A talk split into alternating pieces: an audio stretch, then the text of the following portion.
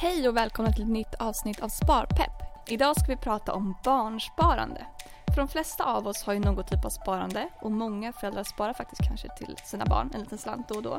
Men vad är egentligen ett barnsparande och hur funkar det? Det här avsnittet är för alla er som vill komma igång med ett barnsparande, vare sig det är till sina egna barn eller till någon annans barn. Med oss idag har vi Ammar Poljo och Tim Jakobsson som båda är spar och pensionsspecialister här på Nordea. Välkomna hit! Tack så mycket. Tack, tack. Är ni redo att köra igång det här avsnittet? Det är vi. Vi är redo. Bra, då kör vi!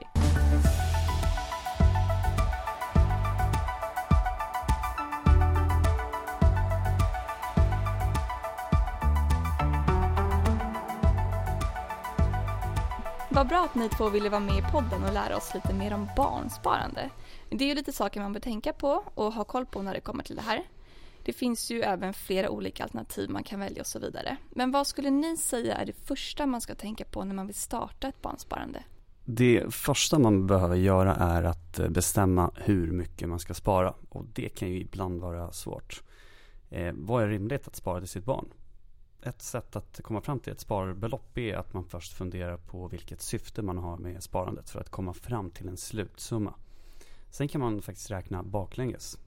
Eh, för att komma upp till slutsumman krävs det att man sparar så här mycket i x antal år med en viss avkastning.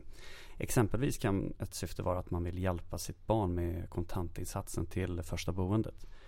Eh, och då kan man bestämma att ja, när barnet är 20 år vill man kunna ge bort 300 000 kronor. Placerar man pengarna i en global aktiefond under, eh, under tiden och förväntar sig ungefär en säg 6 i avkastning. Ja, då räcker det med att man lägger undan ungefär halva barnbidraget. Ett tips är att använda sparkalkylatorn som finns länkad på Nordeas hemsida under barnsparandesidan. Eh, där kan man på ett enkelt sätt räkna fram hur mycket pengar ett månadssparande genererar. Okej, så egentligen första steget är att hitta ett mål eller syfte eller veta hur mycket vill vi ha nått tills den här perioden? Ja men precis. Det är alltid lättare att spara om man har ett klart mål. Däremot kan, har man ju självklart inte alltid ett bestämt mål och alla kan inte spara halva barnbidraget. Men det viktigaste skulle jag vilja säga är att börja tidigt. Eh, spara så mycket man kan och börja så tidigt som möjligt. Okej, bra. Men när man har gjort det så måste man ju också välja hur man vill lägga upp sparandet. Vad finns det för olika alternativ? Yes, det första du bör fundera över är om du vill spara direkt i barnets namn eller om du vill spara i ditt eget namn. Sparar du i barnets namn är det viktigt att komma ihåg att barnet eh, kommer, få, kommer åt pengarna från och med sin 18-årsdag. Och det här kanske inte rimmar med syftet och placeringshorisonten som Ammar pratade om tidigare. Till exempel så är det ju inte alla 18-åringar som flyttar hemifrån direkt när man blivit myndig. Har man då planerat att sparandet ska gå till en kontantinsats eh, finns ju risken att pengarna används till andra roligheter. Väljer du däremot att spara i ditt eget namn väljer du själv när barnet ska få pengarna. Då kan du hålla på det tills till exempel en kontantinsats till första boendet ska betalas. Okej, så skillnaden är egentligen när barnet får tillgång till pengarna kan man säga? Eh, ja, det, det, kan man säga är den centrala skillnaden. Men sen finns det såklart andra saker att ta hänsyn till också. Ja, som till exempel vilken sparform man ska välja i. Man kan till exempel välja investeringssparkonto eller kapitalförsäkring. Vad är det för skillnad mellan de två egentligen? Ja men precis. B båda sparformerna är ämnade för långsiktigt sparande. Där man kan spara i fonder, aktier och andra värde värdepapper. Man betalar heller inte någon vinstskatt på vare sig investeringssparkontot eller kapitalförsäkringen utan båda schablonbeskattas. Skillnaden är att när man sparar i ett investeringssparkonto betalar man skatten via deklarationen som redovisas automatiskt.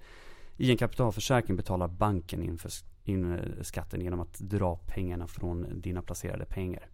Den viktigaste skillnaden är dock att man i en kapitalförsäkring kan bestämma vem som blir förmånstagare till pengarna. Och, och om man skulle då gå bort. Eh, men även när förmånstagaren ska få tillgång till pengarna. Sparar man till ett investeringssparkonto fördelas pengarna enligt den allmänna arvsordningen. Och eh, om vi ska knyta tillbaka till det Tim pratade om nyss så är Nordeas huvudrekommendation att spara i en kapitalförsäkring om man sparar i eget namn och investeringssparkonto om man sparar i barnets namn. Sparar man i barnets namn är det barnets, barnets sparande per automatik och de får ju tillgång till pengarna när de fyllt 18 oavsett om föräldrarna är vid liv eller gått bort. Det blir viktigare med förmånsdagar när man sparar i eget namn. För då vill man ju styra pengarna till barnet om något händer. Okej, men man ska inte spara på ett vanligt sparkonto? Nej, nej det, det, tycker jag inte. Oftast är man ju långsiktig med sitt barnsparande. Det lönar sig att man inte sparar på ett konto som inte ger någon ränta eller väldigt låg ränta. Okej, för man vill åt avkastningen och få pengarna att växa. Precis. Mm, ja, jättebra. Så egentligen, man bestämmer hur mycket pengar man ska spara per månad, vilket ju blir enklare om man har ett mål eller syfte från början, men det är inte nödvändigt. Eh, och sen väljer man mellan att spara i sitt eget namn eller barnets namn och sen vilken sparform som passar. Du sammanfattar det rätt bra där. men, men när ska man starta sparandet? Finns det någon åldersgräns uppåt eller neråt? Eller hur funkar det? Ja, det man kan säga där är ju att ju tidigare du börjar, desto mindre behöver du lägga undan varje månad för att uppnå målet med sparandet. Eh, säg till exempel att du planerat att ge, planerar att ge barnet pengarna på eh, 20-årsdagen. Börjar du spara 1000 kronor i månaden från födseln bör du ha drygt 400 000 kronor efter de här 20 åren. Eh, då har vi räknat på 5 i avkastning per år. Väntar du istället fem år innan du börjar spara måste du istället lägga undan drygt 1500 i månaden för att uppnå samma resultat, alltså runt 400 000 kronor till barnets 20-årsdag. Så tidshorisonten är lika viktig som själva månadsbeloppet. Okej, men inga regler man får göra när man, när man känner att det är rimligt för sig själv? Ja, inga, inga klara regler. Bra. Men när man sparar pengar som man investerar så behöver man ju alltid överväga risk och avkastning. Hur ska man tänka kring det? Ja, man får ju alltid eh, väga dessa två. Och ju högre svängningar man är beredd att ta med sparandet, desto högre avkastning förväntas man få. Eh, och som jag nämnde tidigare är ju barnsparandet oftast långsiktigt och därför lönar det sig att ta risk i början. Om tanken är att spara i flera år framöver kanske det spelar mindre roll om pengarna svänger under tiden eftersom man inte ska använda dem. Istället är det viktigare att sparandet växer och att man får så bra betalt som möjligt för den risken man tar. Det viktiga är att man sprider riskerna så gott det går genom till exempel eh, aktiefonder. Men kan man spara bara till sina egna barn? Eh, jag tänker att många kanske har gudbarn eller barnbarn eller syskonbarn eller kompisars barn som man har väldigt nära sig som man vill spara till. Men är det begränsat till föräldrarna? Bra fråga. Eh, det vi pratat om hittills gäller ju främst föräldrar som sparar till sina egna barn. Men det kan ju, precis som du nämner, finnas släkt och vänner som också vill spara. Och det kanske vi sparar direkt i barnets namn även om föräldrarna själva sparar i kapitalförsäkringar i sina egna namn. Och då har vi något som heter gåvospar. Eh, det fungerar så att föräldrarna väljer eh, sparform och placering åt barnet. Eh, till exempel ett investeringssparkonto med fonder. Därefter öppnas ett vanligt konto i barnets namn. Och alla pengar som sätts in på det här kontot kommer automatiskt placeras inom investeringssparkontot och de här valda fonderna eh, som föräldrarna då har valt.